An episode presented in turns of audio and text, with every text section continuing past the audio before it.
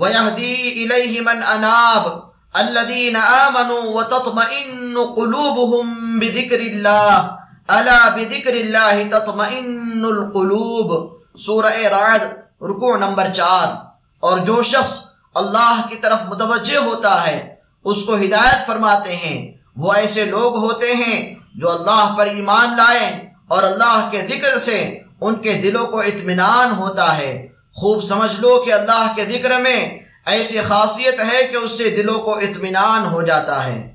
قل ادعو اللہ اب الرحمن ایما تدعو فلہ الاسماء الحسنى۔ سورہ اسرائیل رکوع نمبر بارہ۔ آپ فرما دیجیے کہ الخواہ اللہ کہہ کر پکارو یا رحمان کہہ کر پکارو، جس نام سے بھی پکارو گے وہی بہتر ہے، کیونکہ اس کے لیے بہت سے اچھے اچھے نام ہیں۔ وَذْكُرْ رَبَّكَ إِذَا نَسِيتَ۔ سورہ کہف، رکوع نمبر بارہ۔ اور جب آپ بھول جاویں، تو اپنے رب کا ذکر کر لیجیے۔ وَفِي مَسَائِلِ السُّلُوكِ فِيهِ مطلوبیت الذکر ظاہر واصبر نفسك مع الذين يدعون ربهم بالغداة والعشي۔ يريدون وجهه ولا تعد عيناك عنهم۔ تريد زينة الحياة الدنيا۔ ولا تطع من أغفلنا قلبه عن ذكرنا واتبع هواه وكان امره فرطا. سورہ کہف، رکوع نمبر چار۔ آپ اپنے کو، ان لوگوں کے ساتھ بیٹھنے کا پابند رکھا کیجیے جو صبح شام اپنے رب کو پکارتے ہیں۔ محض اس کی رضا جوئی کے لیے اور محض دنیا کے رونق کے خیال سے آپ کی نظر یعنی توجہ ان سے ہٹنے نہ پاوے۔ رونق سے مراد یہ ہے کہ رئیس مسلمان ہو جائیں تو اسلام کو فروغ ہو اور ایسے شخص کا کہنا نہ مانے جس کا دل ہم نے اپنی یاد سے غافل کر رکھا ہے اور وہ اپنی خواہشات کا تابع ہے اور اس کا حال حد سے بڑھ گیا ہے۔ وَعَرَضْنَا جَهَنَّمَ يَوْمَئِذٍ لِلْكَافِرِينَ عَرْضًا الَّذِينَ كَانَتْ أَعْيُنُهُمْ فِي غِطَاءٍ عَنْ ذِكْرِ۔ سورہ کہف، رکوع نمبر گیارہ۔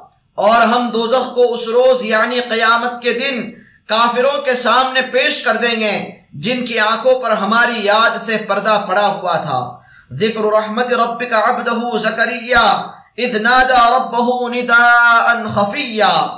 یہ تذکرہ ہے آپ کے پروردگار کی مہربانی فرمانے کا اپنے بندے زکریہ علیہ السلام پر، جبکہ انہوں نے اپنے پروردگار کو چپکے سے پکارا۔ وَأَدْعُو رَبِّي عسا اللہ اکون بدعاء ربی شقیہ سورہ مریم، رکوع نمبر تین. اور پکارتا ہوں میں اپنے رب کو. قطعی امید ہے کہ میں اپنے رب کو پکار کر محروم نہ رہوں گا.